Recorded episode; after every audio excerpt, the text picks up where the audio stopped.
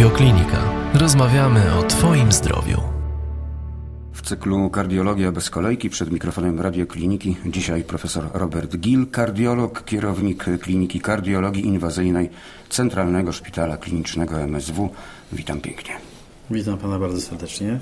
23 lutego 2016 roku ruszyła ogólnopolska kampania edukacyjna Twarze depresji. Nie oceniam, akceptuję. Wspominam o tym, bo depresje mm, mogą mieć ścisły związek z chorobami układu sercowo-naczyniowego. Czy tak jest w istocie? Odniosę się do e, historycznego momentu, tak bym to powiedział. E, ponad 15 lat temu, być może, nie pamiętam dokładnie daty, być może to było 16 albo 17 lat temu, w drodze na Europejski Kongres Kardiologii, który miał się odbywać w Barcelonie, spotkałem się e, ze swoim przyjacielem kardiologiem, którego żona, wówczas doktor nauk medycznych, psychiatra, e, udawała się z nią na ten kongres. E, byłem przekonany, że jest osobą towarzyszącą. Okazuje się, że to nie jej mąż miał przyjętą pracę do wygłoszenia na tym kongresie, tylko ona.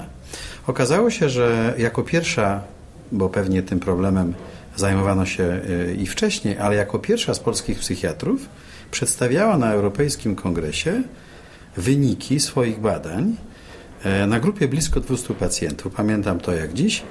Właśnie ocenę e, depresji w populacji pacjentów z zawałem mięśnia sercowego w, rocznym, w, w rocznej obserwacji. Wtedy dla mnie to był szok.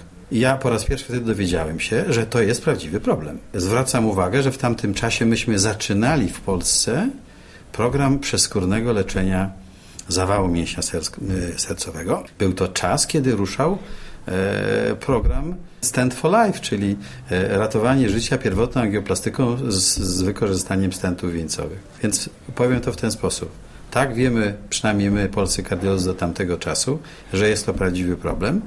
E, problem, z którym e, mierzymy się e, co rok, dlatego że populacja pacjentów, która jest leczona w ostrej fazie, trafia później również do nas.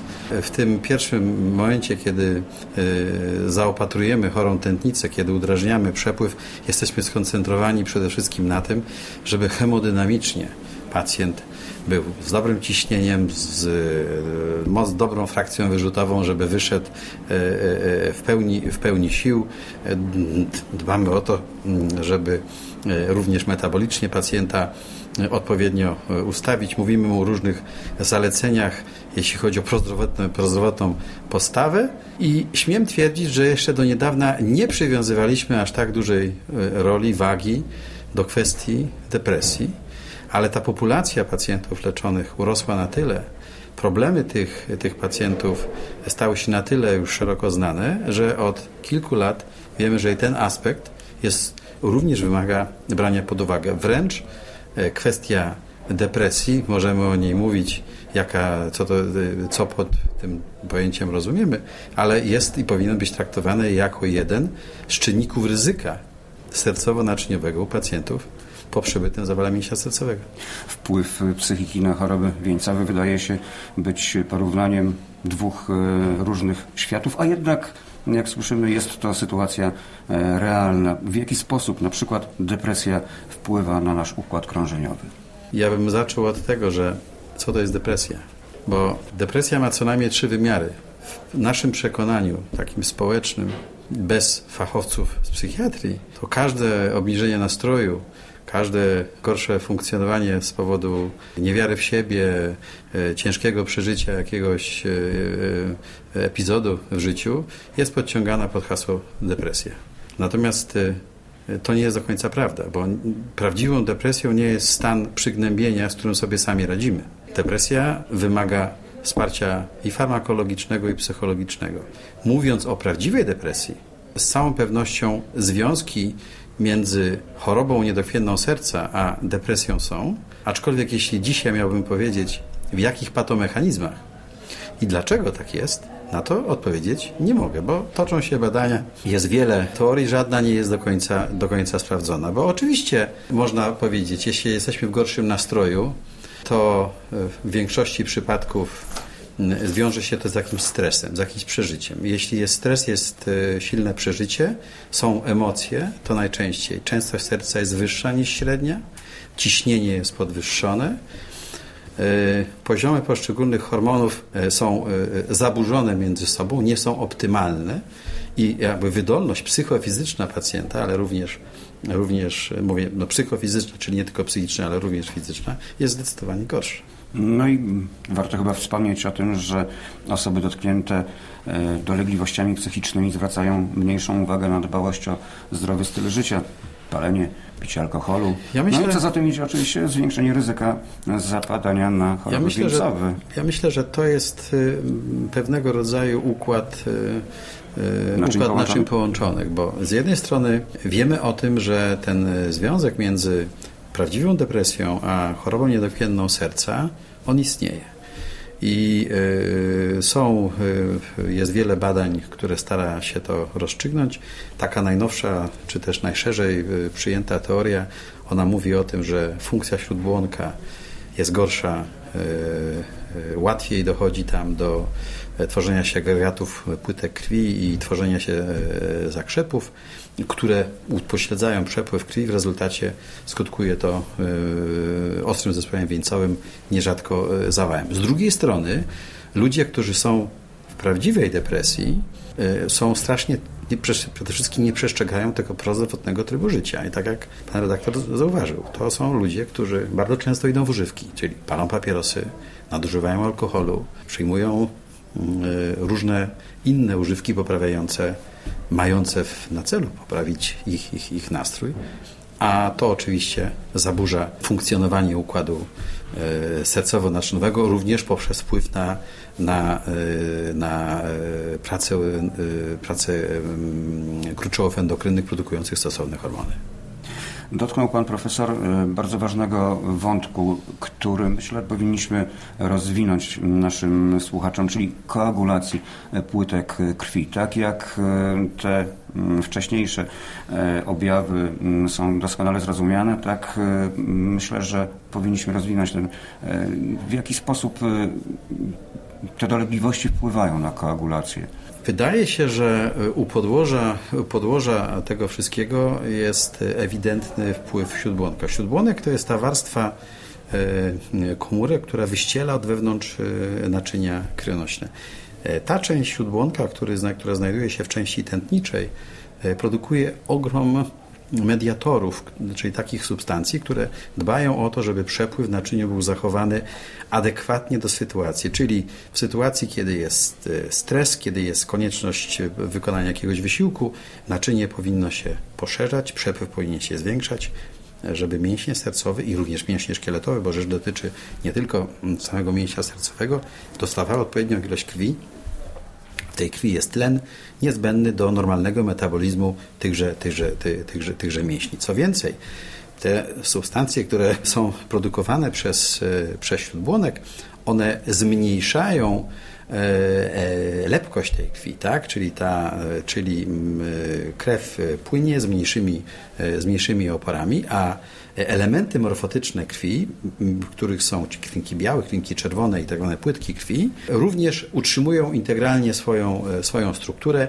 i e, ten przepływ jest niezaburzony. W sytuacji, kiedy mamy stres, kiedy mamy e, tą sytuację zaburzenia czy związku z depresją, funkcja śródbłonka jako pewna konsekwencja ogólnego, gorszego funkcjonowania organizmu. I tutaj jest właśnie strasznie trudno powiedzieć, jakimi drogami. Czy to jest kwestia impulsów nerwowych, czy to jest kwestia neuromediatorów, czy to jest kwestia y, gry hormonalnej, powoduje, że te, te śródbłonek zaczyna gorzej pracować. A może wszystkie te czynniki mają wpływ? Nie, nie, mo, nie można tego y, odrzucić. Tak może i zapewne jest, bo nigdy jednym prostym mechanizmem wszystkich E, rzeczy nie, nie, nie, nie, nie wytłumaczymy. W konsekwencji okazuje się, że zwłaszcza te płytki krwi, zwane trombocytami, które mają w swojej, w swojej strukturze mnóstwo tak zwanych ziarnistości, a w tych ziarnistościach są mediatory różnych reakcji chemicznych, i one pod wpływem gorszej funkcji tego śródłąka zaczynają te ziarnistości uwalniać. Te ziarnistości dostają się do krwi. Jeśli dostaną się do krwi, to okazuje się, że krew staje się bardziej lepka, że te trombocyty zaczynają łączyć się w, w, w specjalne agregaty, zaczynają się tworzyć mikrozakrzepy, które się zaczynają przyklejać jakby do ściany. Jeśli jest kontakt tych trombocytów ze ścianą, to y, następuje znowu interakcja i w rezultacie uruchamiają się inne procesy, które są związane z wykrzepianiem e, e, krwi. Dokładnie chodzi o przejście fibrinogenu w fibrynę. Tworzy się taka siateczka. Na to z kolei napływają elementy e, erytrocyty i, i krwinki białej. Tworzy się już taki coraz bardziej dojrzały zakrzep, który upośledza y, napływ, przepływ, przepływ, przepływ krwi. Czyli to taki proces kaskadowy, można by Zdecydowanie, powiedzieć. zdecydowanie. Tam oczywiście jeszcze mm, musi być moment, w którym sama ściana, zazwyczaj zmieniona poprzez proces miażdżycowy, ma takie miejsca, w którym, w którym te trombocyty te, do tej interakcji, bo na zdrowej ścianie nic się nie stanie, tak? ale ściana zmieniona E, poprzez miażdżycę jest skłonna do przyjęcia tych, tych trombocytów. Trombocyty wchodząc w agregaty, uwalniając te swoje ziarnistości, rozpoczynają całą kaskadę doprowadzającą w rezultacie do zamknięcia przepływu w naczyniu, a to łączy się z, e, z, z martwicą tego obszaru mięśnia, który dane naczynie no, zabezpiecza w krew. Martwica to y, także zawał serca, prawda? Martwica mięśnia sercowego to jest zawał. To jest po prostu zawał. Y, chorzy na depresję, którzy są po zawale serca, aż kilkukrotnie bardziej są narażeni na Mówi zgon. się o 50%. Właśnie, to jest... Y, to jest zastraszające. Przerażające, wręcz tak, powiedziałbym. Tak. Dlaczego aż taki odsetek? O tym się głośno przez wiele lat nie mówiło. Brak jest nam dużych populacyjnych badań, bo czynnik, jakim jest depresja, był niedoceniany przez lata. Ja myślę, że jeszcze troszkę trzeba poczekać, żeby te obserwacje oparte o kilkuset osobowe grupy przełożyły się na tysiące, a przede wszystkim na dłuższą obserwację.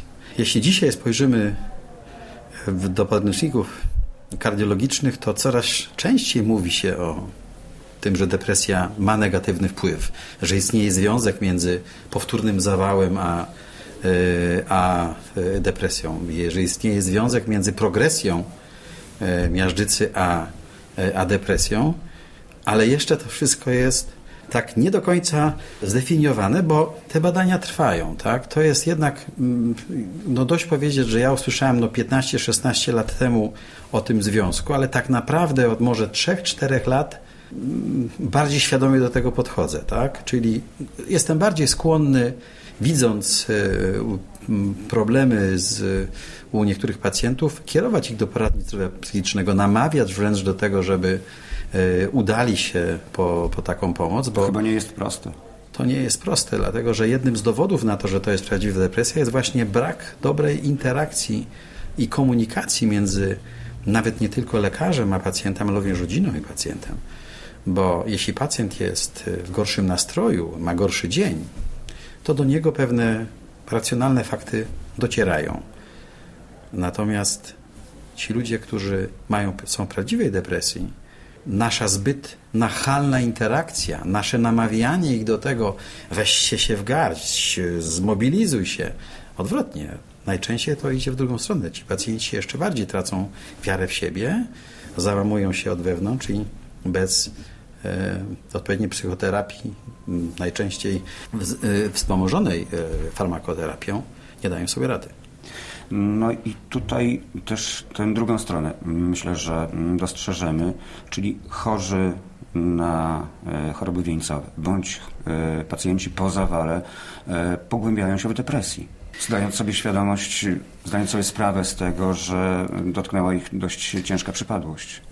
Ma Pan rację, a Myślę, że teraz jest taki dobry moment, żeby podzielić się pewną, e, pewną informacją, którą e, to w ogóle jest e, duży, duży, duże zaskoczenie, że tak to się stało. Ale dwa dni temu skończyłem um, przeglądać 100 abstraktów przesłanych mi przez Europejskie Towarzystwo Kardiologiczne jako eksperta do oceny tychże doniesień zjazdowych przysłanych z całego świata na kongres, który się będzie odbywał na przełomie sierpnia i września w Rzymie. I proszę sobie wyobrazić, że wśród tych 100 abstraktów, zazwyczaj to jest tak, że każdy abstrakt jest przeglądany przez 4-5 osób, a tak zwanych graderów, czyli graderów, takich y, ekspertów, którzy to przeglądają, jest kilkudziesięciu. Wśród tych 100, proszę sobie wyrazić, były trzy abstrakty dotyczące sensu stricto depresji. Jeden utkwił mi najbardziej w pamięci. Szok. Dlaczego? Otóż, po pierwsze, jest to ogromny problem.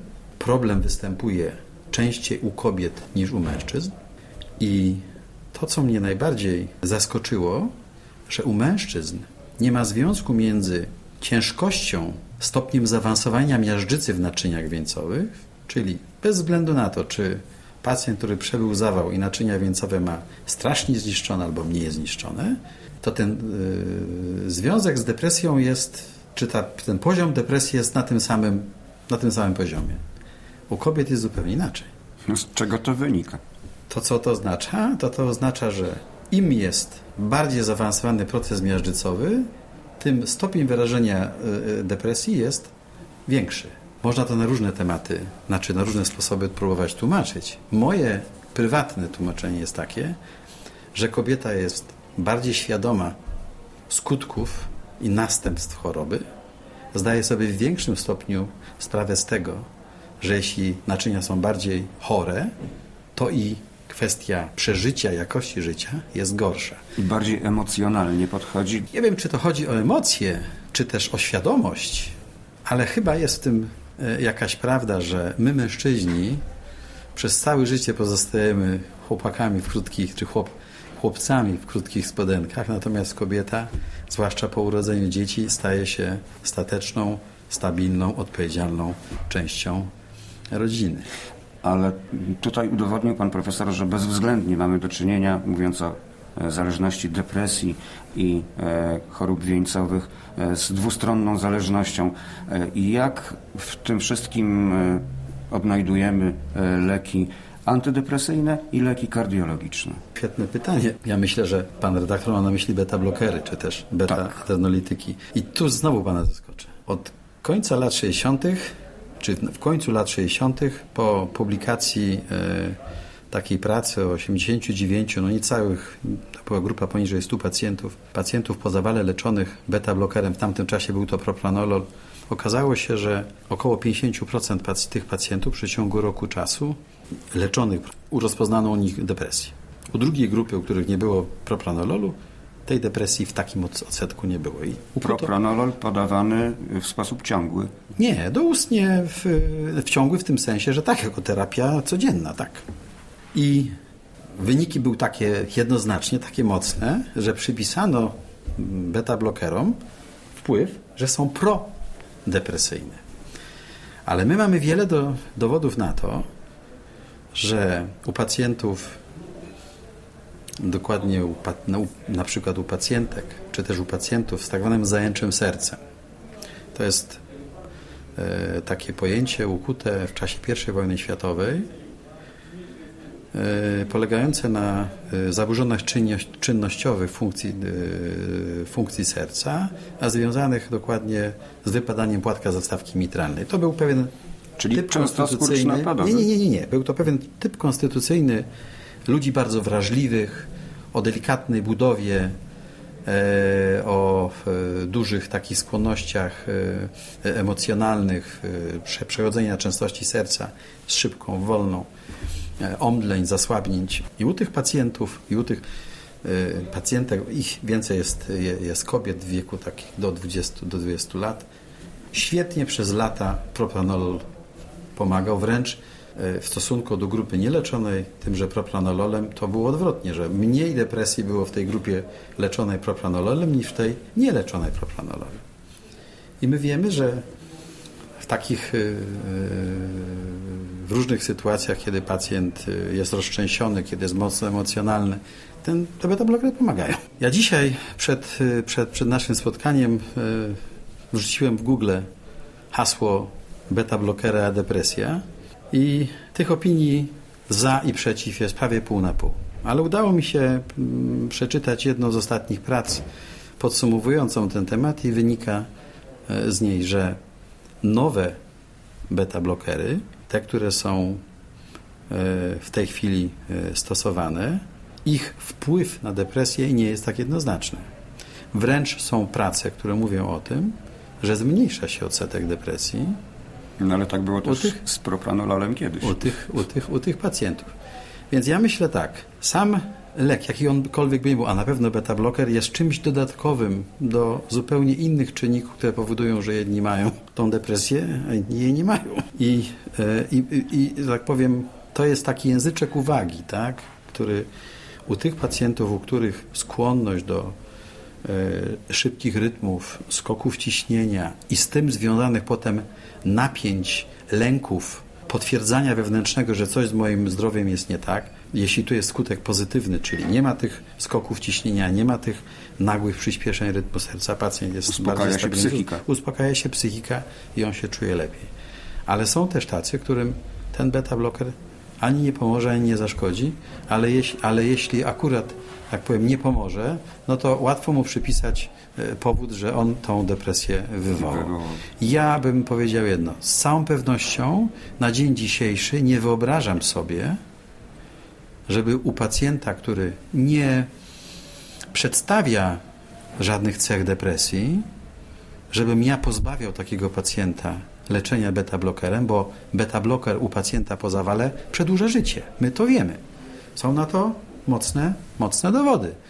E, stąd byłbym daleki od takiego upraszczania, że beta-bloker u pacjenta z depresją to na pewno nie.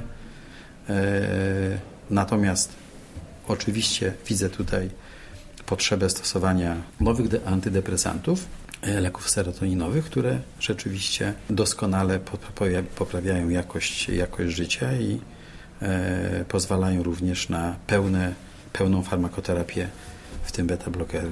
Ale chyba dobrze wnioskuję, że chorych na depresję trzeba jednak mimo wszystko kierować na badania, na badania kardiologiczne i chorych kardiologicznie na badania psychologiczne, czy nawet wręcz psychiatryczne. Ja myślę, że taki, taki, e, takie podejście wcale nie rzadkie swego czasu. A to nerwica, to idź pan do, czy pani do, do psychiatra, a potem wróć do mnie. Ja myślę, że dzisiaj wiemy dużo więcej.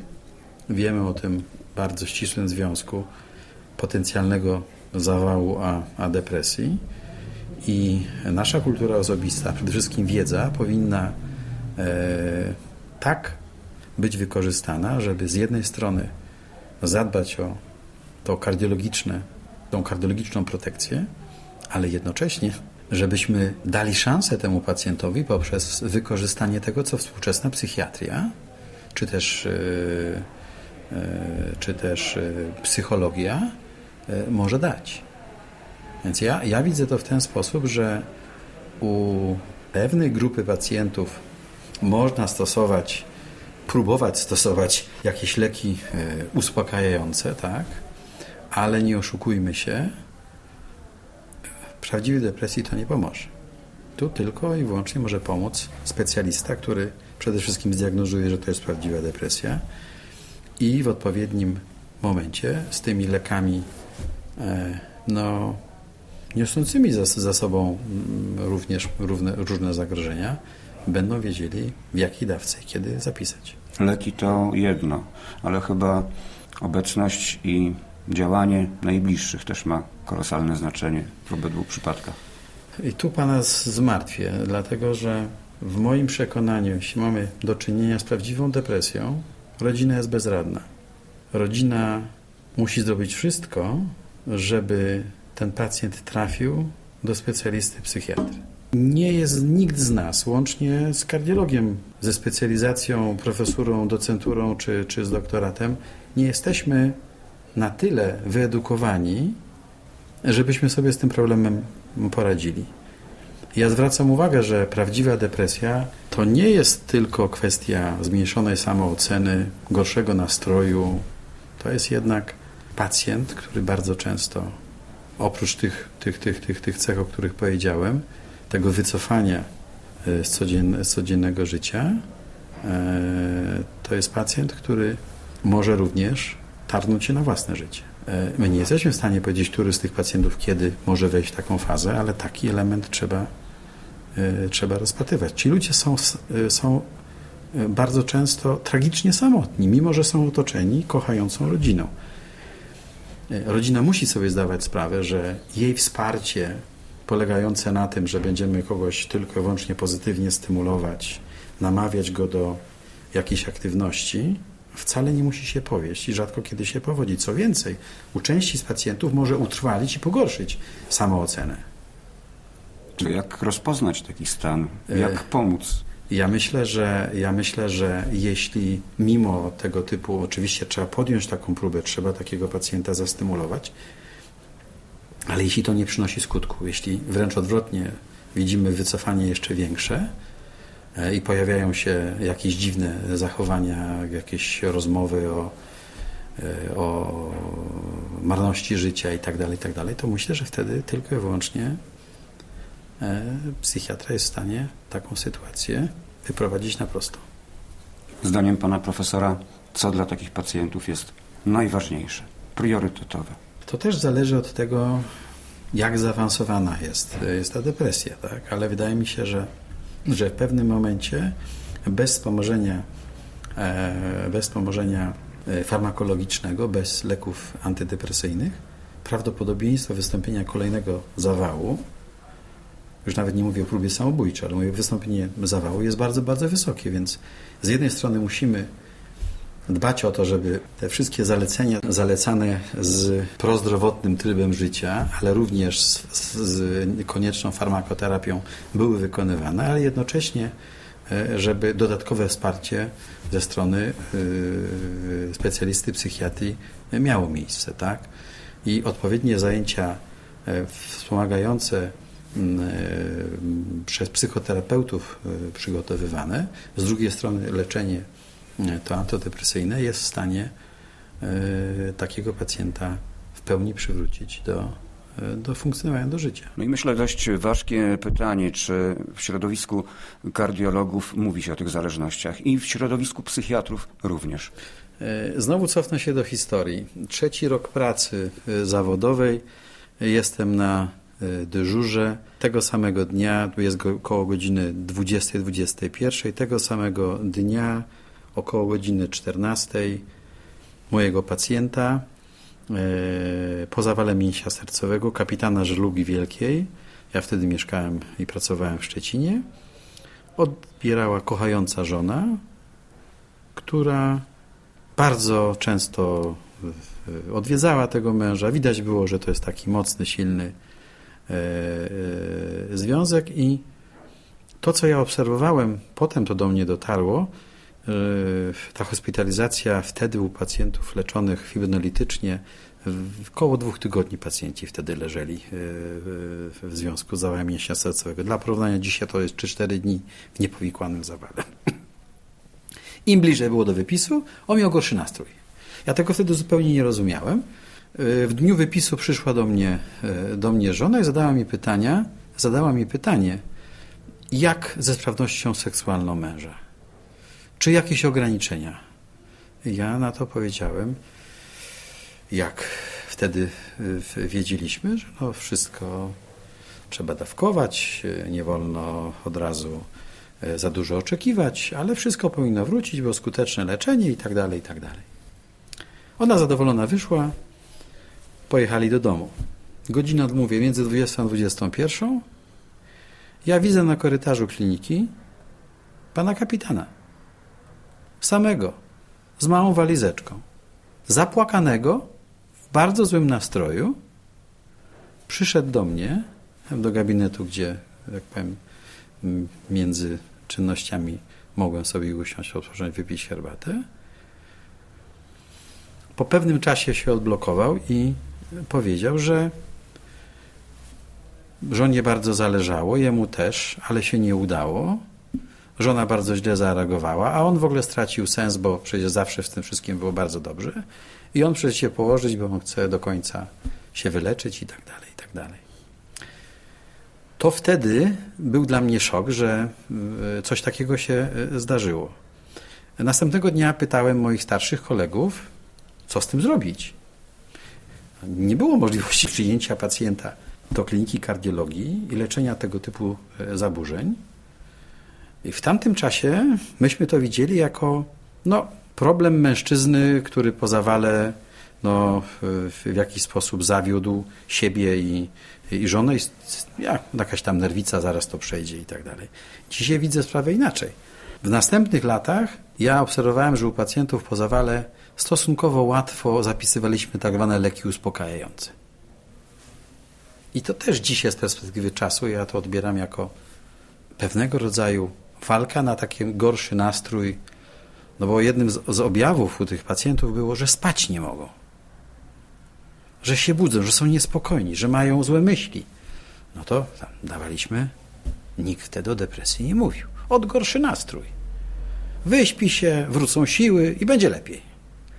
Co więcej, w tamtym czasie myśmy tych pacjentów nie prowadzili. Myśmy leczyli w ostrej fazie i ci pacjenci szli do przychodni, do swojego lekarza. Nie było związku między nami a tym lekarzem no, ewentualnie my, ex katedra, na konferencjach coś mówiliśmy. Oni raczej zazwyczaj pytali, ale nie o takie rzeczy jak depresja pacjenta. Kwestia tej świadomości środowiska to są ostatnie lata i to się poprawia.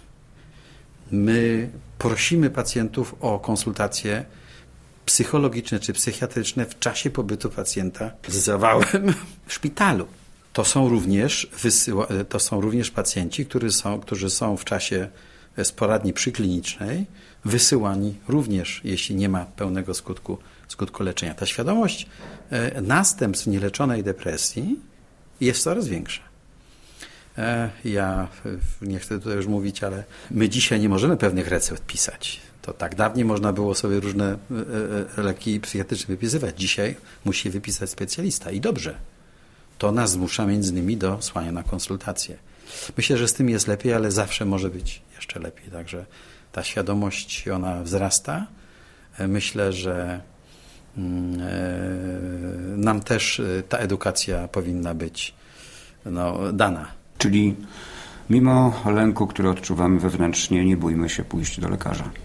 Tak, ja myślę, że, że nawet zgadzając się, że nasza służba zdrowia, nie mówię ochrona zdrowia, tylko służba zdrowia ma wiele mankamentów, wiele, wiele, wiele słabości, e, to no, nie pozostaje nam nic innego, jak mm, jednak z niej korzystać w mądry, mądry sposób i tak jak e, nie wyobrażam sobie e, ograniczenia się leczenia pacjentów po zawale tylko i wyłącznie do momentu samego zabiegu angioplastyki, udrżnienia tętnicy, ale przecież potem trzeba e, wykonać wszystkie działania prewencyjne, żeby tego następnego e, epizodu nie było. I jednym z podstawowych, bym powiedział, e, działań również powinno być, mm, była, powinna być walka z depresją. I myślę, że to jest znakomita puenta naszej rozmowy. Mm, gościem radiokliniki był pan profesor Robert Gill, kardiolog, kierownik kardiologii inwazyjnej Centralnego Szpitala Klinicznego MSW. Bardzo dziękuję za rozmowę. Dziękuję bardzo. Więcej audycji na stronie radioklinika.pl i w naszej aplikacji mobilnej.